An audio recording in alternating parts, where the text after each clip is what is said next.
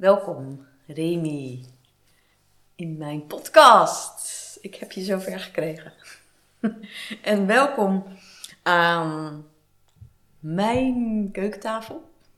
Is dit mijn keukentafel of is dit onze keukentafel? Dit is jouw keukentafel. Ja, het is mijn keukentafel, maar ook jouw keukentafel. Dus superleuk dat ik jou eh, mag gaan bevragen over jouw sessies, jouw lichaamsgerichte sessies die je al heel wat jaren geeft. En ik vermoed dat jij eigenlijk geen enkele podcastaflevering van mij beluisterd hebt. Klopt dat? Ja, dat klopt. ja. Dus dan weet je ook niet dat ik eigenlijk altijd begin met de vraag: hoe kennen wij elkaar? Oh, dat heb ik toch wel eens gehoord. Uh, hoe kennen wij elkaar? Van een tantra-workshop. Zo'n. Uh... Ja, hoeveel jaar geleden?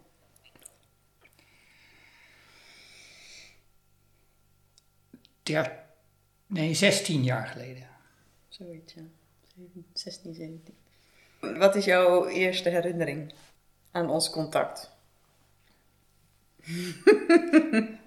Mijn eerste herinnering is dat ik jou zie, op een grasveld zie lopen. Ja, dat is Ja, dan is er nog geen echt, echt contact, hè. Maar toch. Ja. Nee, en dat was niet de retreat waar we elkaar en later, leerden kennen. Dit was een andere retreat, hè? Waar ik in een vrouwenretreat ja, ja. zat. En jij... Ja, klopt. En later uh, was het contact, uh, dat weet ik niet meer precies. Samen een meditatie doen. Ja. Anyway, dat was 16, 17 jaar geleden. Intussen zijn we al heel lang samen. Hebben we heel veel tantra samen gedaan, maar jij bent ook een hele hoop andere dingen gaan doen. Daar ga ik je zo meteen meer over vragen. Maar in iedere aflevering ga ik ook naar een tantra voorwerp. En uh, jij hebt iets meegebracht, of jij hebt iets naar de woonkamer gesleept, zou ik kunnen zeggen. En um, ik ga dat nu proberen te beschrijven, objectief, zonder te zeggen wat het is. En dan aan het eind van de aflevering mag jij zeggen waar jij het voor gebruikt in jouw sessies en of ik dit dan ook gebruik in mijn trainingen. Nou, ik ga even niet van mijn stoel af, maar ik kan zeggen dat het groot is. Behoorlijk groot. Mijn lichaam uh, kan hier wel een paar keer in of op. Het is ook zwaar. Het is zacht en tegelijkertijd ook stevig. Mm. Ik zou het kunnen. Ik zou er mee kunnen rollen, mee kunnen slepen. Ja. Jij nog een toevoeging? Objectief, zonder dat je iets verraadt. Dat is de hele kunst. Je kunt. Uh...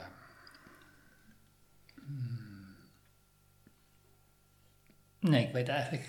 Ja, ik ben bang dat ik het vraag. Ja, ja, ja, ja ik ook. Dus straks meer hierover. Oké, ik pak even mijn papier erbij. Wat wil ik jou allemaal gaan vragen? Ja. Zoals ik al zei, nou ja, ik zei nog niet dat je als jurist werkt, maar dat werk heb je ook. Maar daarnaast geef je al, denk heel wat jaren, ik weet niet meer hoe lang, lichaamsgerichte sessies. Is dat de juiste term? Is dat de term die jij gebruikt? In de loop van de tijd ben ik het anders gaan noemen. Dus het is 2017 dat ik echt professioneel ermee ben begonnen. Dus ik werk als jurist drie dagen in de week. En daarnaast heb ik dan part-time een praktijk.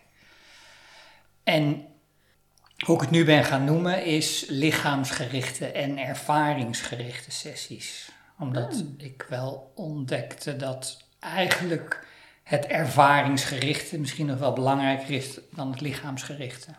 Ervaringsgericht wil dus zeggen, wat ervaart iemand? Breder dan het lichaam. Alles. Het gaat over het ervaren. Het gaat ook, ja, er is ook vanuit de focusing eh, het woord felt sense. Mm. Dus het gaat over de gevoelde beleving, de ervaren, het ervaren gevoel. Het is niet makkelijk te vertalen dat woord felt sense, maar het gaat dus over wat ik, wat iemand ervaart. En dat is heel breed. Dat kan zijn puur het lichaam, het fysieke. Maar meestal komt daar, kan er ook een emotie of een gevoel bij zijn. Iemand, als iemand het gaat beschrijven of onder woorden probeert te brengen, kan het ook gaan, kunnen er ook beelden bij komen, herinneringen, overtuigingen gaan, zijn er, gaan er vaak mee gepaard. Dus uiteindelijk is het niet helemaal echt uit elkaar te trekken en te beperken tot het lichaam, maar vandaar nu de naam lichaamsgerichte en ervaringsgerichte sessies die ik geef. Mooi. En wat is jouw rol daarin? Of wat bied je aan dan? Aan tools, aan methodes, voor zover je het zo noemt. Wat combineer je zo Nou, de kern is dat ik iemand begeleid of ondersteun in het zelf ervaren. Mhm. En dat kan op allerlei manieren. Maar dat is het belangrijkste eigenlijk. De, manier maakt, is, is, is niet, niet het belangrijkste.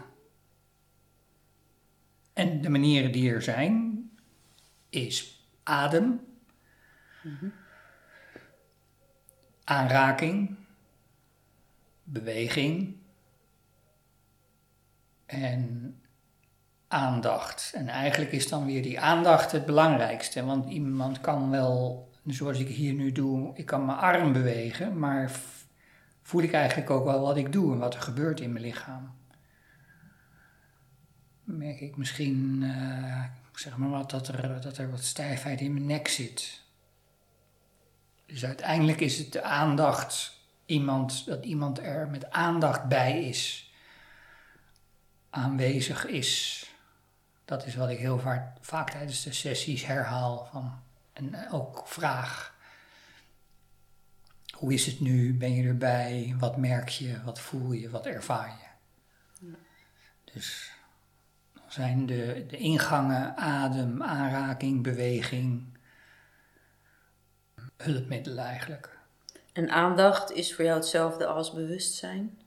Wees je bewust van of is het nog net iets anders?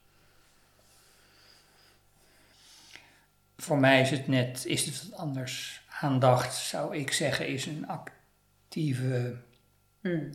vraagt een bepaalde actie, activiteit. Zo zou ik het nu zeggen. Het bewustzijn, dat is er gewoon. Ja. En waarom zouden mensen dit willen? Waarom zouden mensen dit nodig hebben? Ja, waarom, waarom komen mensen bij jou? Dat zijn uh, een aantal vragen tegelijkertijd. Ja, er zijn een heleboel tegelijk. Ik dacht, dat is gewoon één kopje. Why?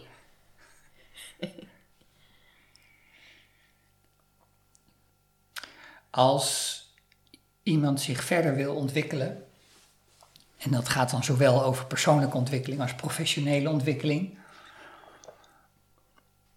dan heb je toch wel aandacht nodig, bijvoorbeeld om eerst te voelen, te ervaren, te weten hoe je er nu voor staat, hoe het nu met je is.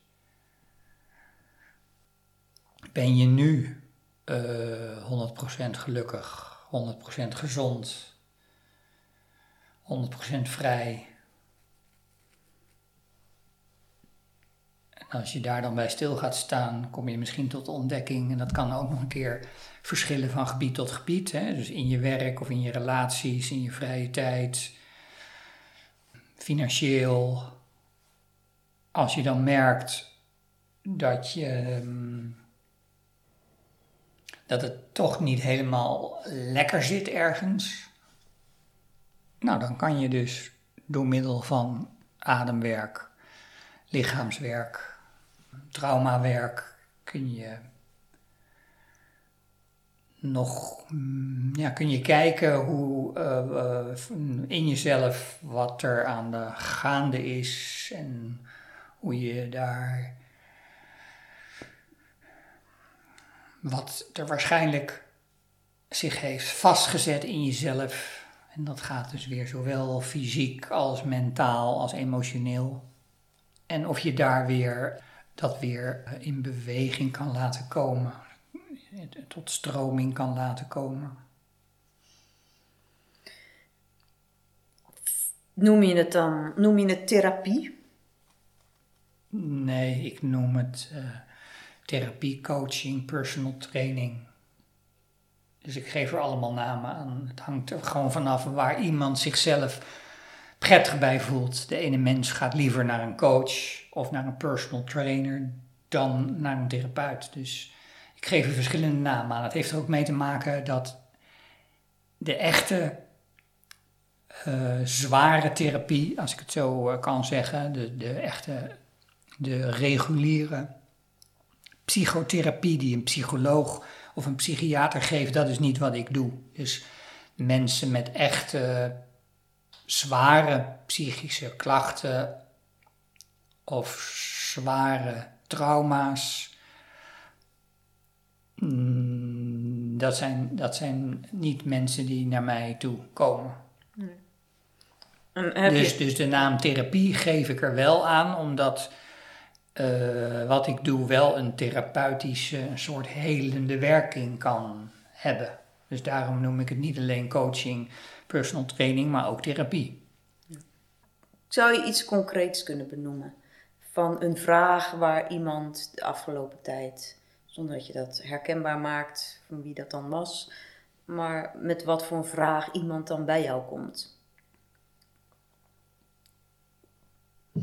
Nou, dat zou ik eerst willen zeggen dat ik twee verschillende soorten sessies geef. De ene soort sessies die zijn erg gericht op het eh, laten stromen, weer opnieuw laten stromen van iemand van je levensenergie. En daar heb ik dan body de-armoring voor en ik heb daar uh, body trauma release voor. Dus mensen die hun energie willen laten stromen, en dat, die zijn er. Mhm. Dus die komen met die vraag van ik wil, ik, ik merk dat, me, dat het ergens wat vast zit of niet helemaal uh, ja, stroomt.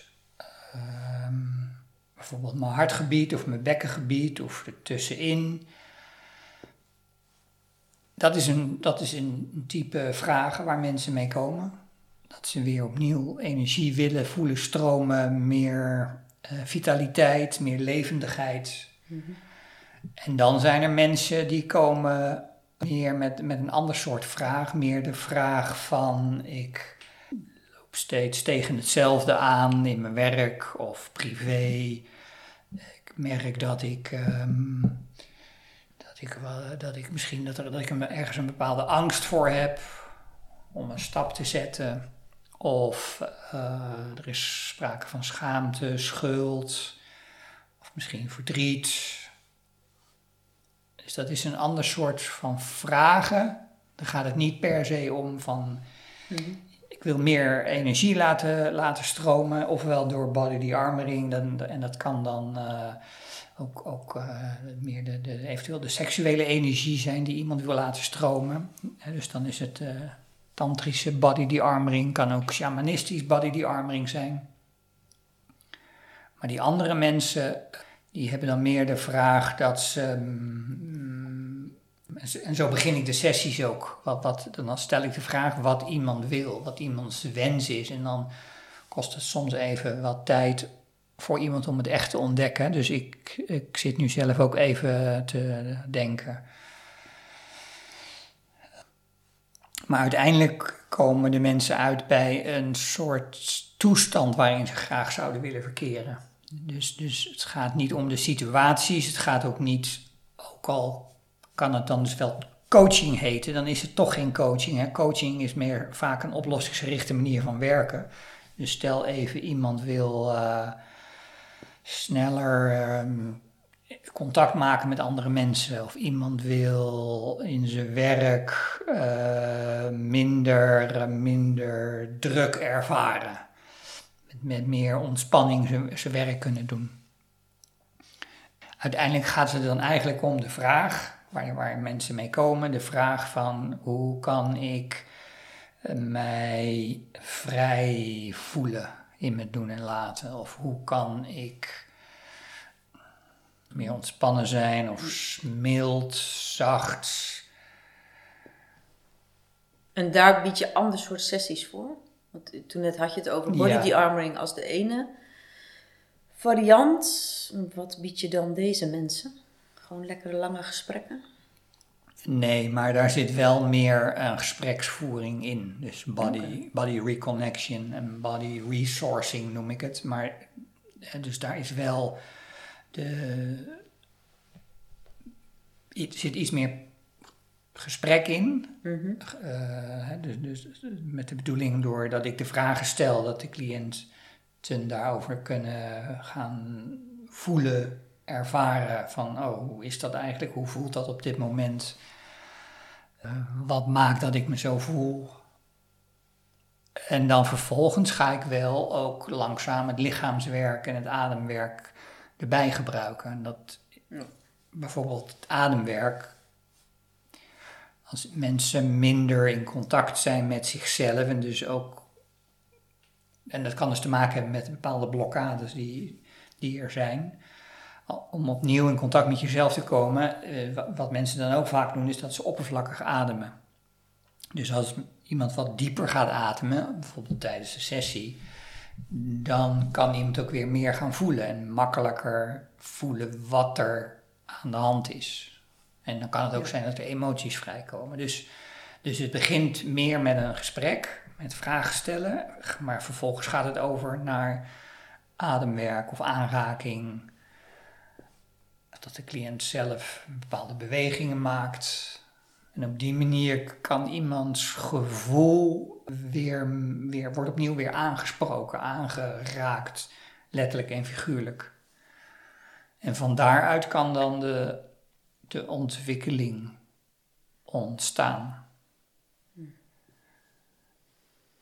En dan heb je ook behoorlijk wat bijscholing gedaan de afgelopen jaren in trauma. Daar is er natuurlijk de afgelopen jaren ook in de tantra-wereld veel meer aandacht voor gekomen. Op welke manier ben je daar mee bezig? Is dat überhaupt iets wat je benoemt? Of is dat alleen iets wat een beetje in jouw achterhoofd zit van... Ja, iedereen draagt een soort van trauma met zich mee. Kan je daar iets over zeggen? Oorspronkelijk ben ik begonnen met alleen eigenlijk body de-armoring aan te bieden. Dat komt, tenminste, ik heb het ontdekt via de tantra. Um, dus dat is puur lichaamswerk. En wat ik daar net over gezegd heb, dat is dus niet zozeer gericht op mensen die ofwel privé of in het werk of waar dan ook klachten hebben, maar meer mensen die meteen in het lichaam al kunnen zijn, maar meer energie willen voelen stromen. Mm -hmm. Later ben ik door daarover te lezen, maar ook door trainingen te volgen, meer gaan weten over de, zoals ze dat noemen, de psycho, psychodynamische kant. Hè? Want, want binnen in, in een cliënt, daar gebeurt van alles. Dus het is niet alleen maar uh, de energiestroom of, of, of, het lichaam, maar dat, dat zei ik eerder ook al. Het is meteen een combinatie van, van je lichaam, hoe, de, hoe de, bijvoorbeeld het bindweefsel, de fascia zich op bepaalde plekken heeft verhard, hoe je lichaam een bepaalde vorm heeft aangenomen, een bepaalde houding. Dat, dat wordt ook wel gesproken over karakterstijlen en lichaamspanzer. Dat, dat gaat samen met vervolgens wat, is, wat iemand emotionele toestand is. Of iemand zich vaak neerslachtig voelt, of iemand vaak meestal uh, meteen boos wordt. En dat hangt weer samen met iemands overtuigingen. Want vaak, wat vaak mensen doen, is dat ze zichzelf ook veroordelen voor hoe ze zijn. Hm. Dus al die dingen hangen met elkaar samen en dat is iets dat zit meer in uh, de opleiding op het gebied van psychotherapie.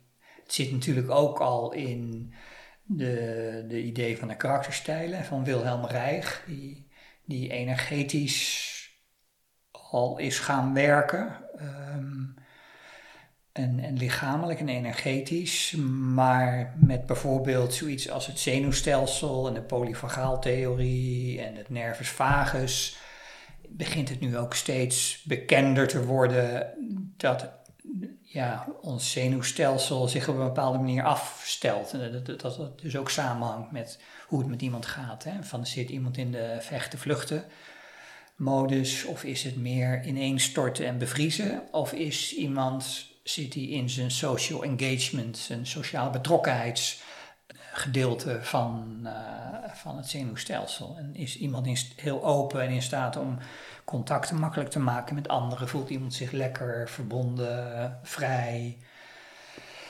blij?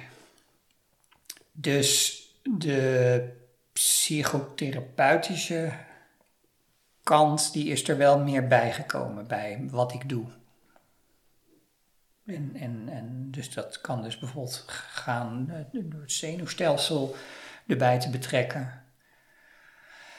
Maar het is voor mij het belangrijkste wat ik daarin geleerd heb, kom ik weer helemaal aan het begin van het gesprek bij de ervaringsgerichte aanpak eigenlijk. Dus naast de lichaamsgerichte, de ervaringsgerichte. Wat ervaart iemand van binnenuit? En kunnen we een situatie die iemand onlangs heeft meegemaakt, waarin die het probleem of de blokkade weer opnieuw tegenkwam, kunnen we dat gaan onderzoeken.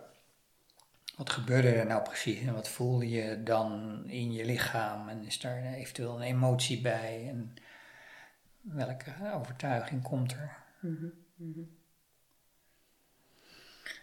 En wat ik daar nog aan toe zou willen voegen, want ter afsluiting, dat is dat het belang hiervan komt voort uit het feit dat we allemaal trauma hebben. We hebben allemaal ontwikkelingstrauma, zoals dat genoemd wordt. Dat het komt eigenlijk omdat vanaf de conceptie, eh, de eerste negen maanden als foetus in de baarmoeder van de moeder, zijn er altijd situaties die niet prettig zijn. En dat is tijdens de geboorte, dat is als baby, dat is kleuterpeuter, dus de eerste zes levensjaren. Dus als je zo klein bent, ben je ook heel erg kwetsbaar. Is er al heel snel iets wat niet prettig is, wat pijnlijk is. En daar zit meteen al vanaf de conceptie het, het ontwikkelingstrauma. Dus dat hebben we 99% van de mensheid heeft dat dus eigenlijk. En dat gaat dan samen met zogenaamd hechtingstrauma. Omdat je natuurlijk als baby, als jong kind, uh, ben je nog vrij afhankelijk van je verzorgers. Moeder, vader of ander soort van situatie. Andere mensen. Dus dat ontwikkelingstrauma gaat dan meestal parallel met hoe je je hechting jezelf aanleert. Is dat een veilige hechting, waardoor je ja, natuurlijk al sneller op je gemak kan voelen en vrijer kan voelen en gelukkiger zal zijn? Of is dat een, uh, een onveilige hechting of is het een soort ambivalent? En ja, op basis daarvan bouwt ieder mens dan zijn eigen, zoals ze dat noemen, overlevingsstrategieën. Maar ik denk een verschil tussen jouw werk en een therapeut die niet lichaamsgericht werkt, is dat je misschien dit wel benoemt af en toe, maar dat hier in verhouding zeg maar veel minder over gepraat wordt in de sessies. Het is vooral voor, denk ik, ook jouw bagage, dat jij het ziet, dat jij het weet en niet zozeer helemaal gaan bespreken. Of, of doe je dat wel? Van, wat is beperkt, er bij jou? Bij jou beperkt. En dat verschilt ook van cliënt tot cliënt. Dus ik richt me altijd op wat werkt voor de cliënt. Wat werkt op dit moment? Is dat ademhalen? Is dat bijvoorbeeld verbonden ademhalen, waardoor iemand meer uh, energie binnenkrijgt en zodat van binnenuit er wat kan gaan gebeuren? Of is het aanraking of is het beweging? dat voel je intuïtief? Ja, ik werk intuïtief.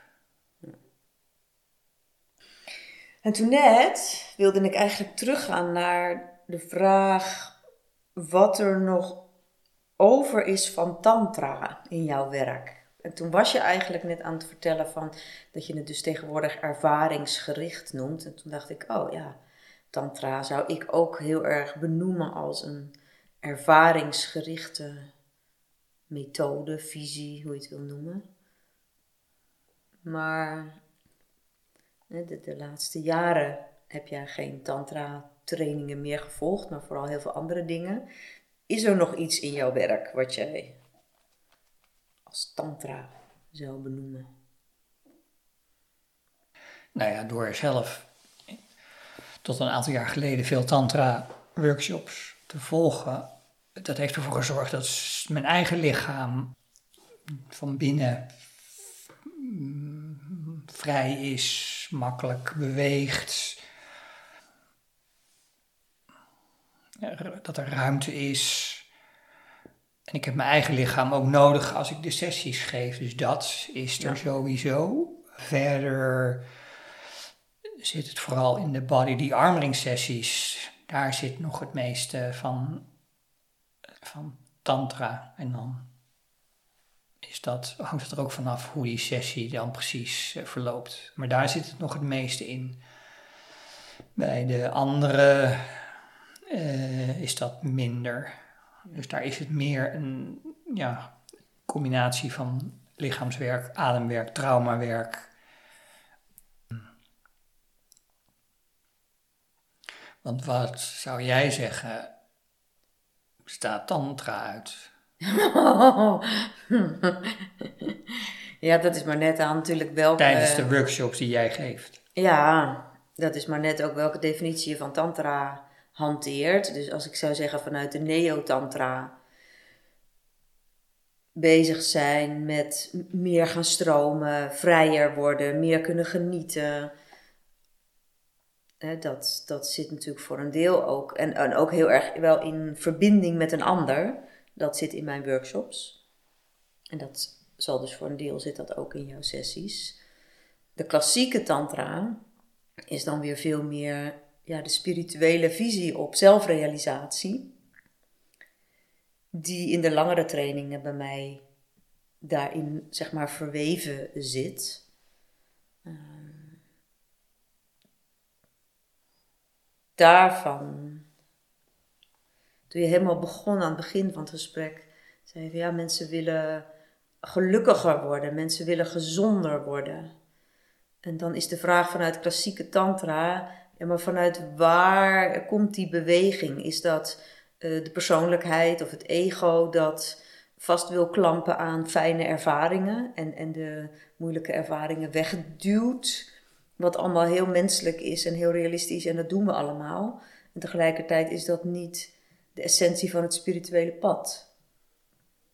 Ja, nou dan zit in de sessies, tenminste in de manier waarop ik werk, hetzelfde. Dus de neotantra, dat betekent bij de sessies inderdaad dat mensen zich vrij willen voelen, meer willen kunnen genieten van het leven, uh, grenzen kunnen aangeven. Dat is de e-, ene. En de klassieke tantra, dan is dat ook in mijn manier van sessies geven terug te zien, omdat die beweging waar je het over hebt, waar komt die vandaan? Dat is inderdaad zo dat de innerlijke, uiteindelijk gaat het om de innerlijke staat waarin iemand, waarin een mens zich bevindt. Uh, is, die, is die harmonieus, gelukkig, positief, dankbaarheid? En uh, een ja, innerlijke staat kun je niet doen. Nee. Dus uh, ik kan het ook niet doen als begeleider. Dus in de sessies die ik geef, kan ik het niet doen. De cliënt kan het niet doen. Het gebeurt. Er is een soort shift die dan mm. vanzelf plaatsvindt. Ja, dus uh, dat besef heb ik ook wel. Ja, dat, want je hebt ook een hele rijke spirituele traditie die je volgt, die je nu niet genoemd hebt bij alle dingen die je hebt gedaan, maar die is er wel degelijk natuurlijk.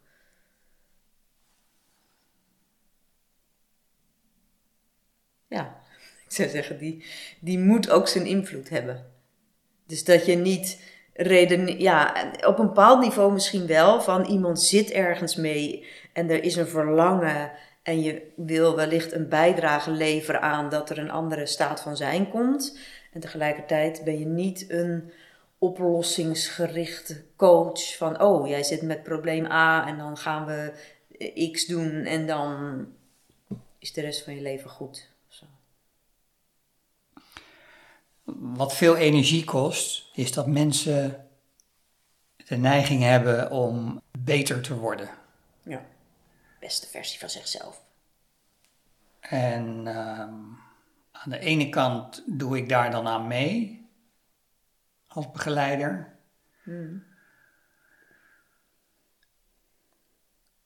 Alleen door ook aandacht te geven aan de overtuigingen die mensen hebben. Dus dat ze nu niet goed genoeg zijn. eh, en dat zachter mil, mensen milder te laten zijn. Dus die aandacht waar ik het helemaal aan het begin over heb gehad, wat de kern is, aandacht. Of je kan ook spreken wel van bewustzijn, maar dat is minder, minder actief vorm. Is het beste omdat een open, vriendelijke, positieve, nieuwsgierige aandacht te laten zijn. En zo werk ik zelf ook. En daar nodig ik de cliënten ook steeds toe uit. En dan.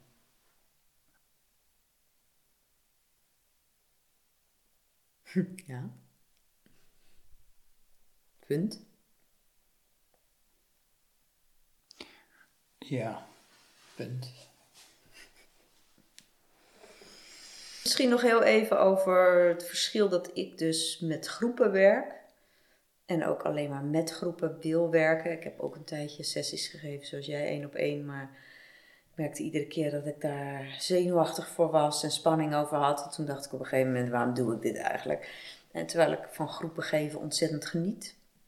Jij geeft één op één sessies. Is dat een bewuste keuze? Of is dat gewoon, ja, kan je daar nog, wil je daar nog iets over zeggen? Nou, het is niet per se een bewuste keuze. Zo is het, zo is het ontstaan. Dus bij eh, workshops kan ik soms ook wel een ademsessie begeleiden. Ja, in een groep daarin meenemen. Of met bepaalde grondingsoefeningen of een meditatie. Maar ik, het is zo ontstaan. Er bestaat bij mij geen behoefte om, om voor hele dagen of meerdaags uh, groepen te, te begeleiden. En de één op één sessies heeft het voordeel voor de cliënten in ieder geval dat ze met hun eigen proces bezig kunnen zijn. Dus een groep heeft het voordeel dat je in de groep, op de groepsenergie kan meeliften, dat je dingen langer kan, makkelijker kan volhouden. Um, dat als de, ja, als de, als de energie. Um, als er meer energie komt, dan zul je daar als lid van zo'n groep zelf ook meer energie krijgen. Maar bij één op één sessies uh, heb je meer tijd voor jezelf en je eigen proces en krijg je persoonlijke aandacht, persoonlijke begeleiding. Kan ook uh, veiliger zijn natuurlijk, één op één dan, uh, dan een groep. Minder prikkels. Uh, minder prikkels, ja. En um, zelf vind ik het, dat geldt natuurlijk dan ook voor mij, minder prikkels. Hè? Dus in hmm. één op één werken, dan kan ik me helemaal richten op de ene cliënt die er is.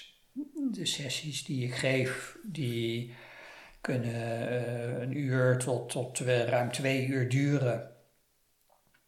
Uh, ja, ik bied ze ook aan in uh, korte trajecten. Dus bij mij is, is iemand niet uh, jarenlang dus in therapie, maar voor kortere periodes. Maar liefst niet één keer, hè? Nee, een traject, dat, dan, ja. dan, dat zijn bijvoorbeeld drie sessies of vijf sessies of zo. En dan kan iemand hmm.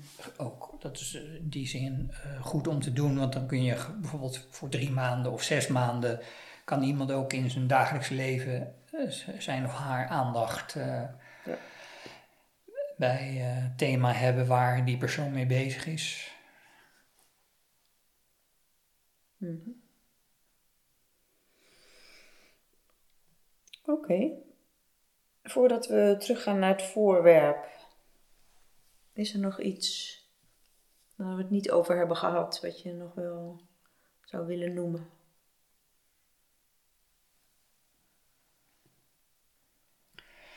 Ik vind het vooral erg leuk om te doen. En ook um, mooi om te zien hoe mensen, hoe mensen zich ontwikkelen en, en dat iedereen uniek is eigenlijk. Um, en ik zie niet zozeer mensen met klachten, maar ik zie gewoon mensen. En, en mm. ja,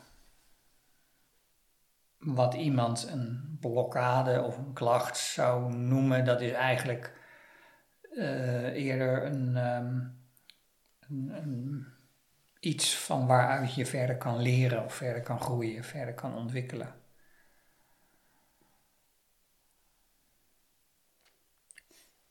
Oké. Het voorwerp. Het voorwerp. Nou ja, voorwerp is niet helemaal een goed woord, hè? Wat heb je meegenomen? Wat heb je helemaal uit je sessieruimte hier naartoe gesleept? Dat is een uh, futon, oftewel een mat.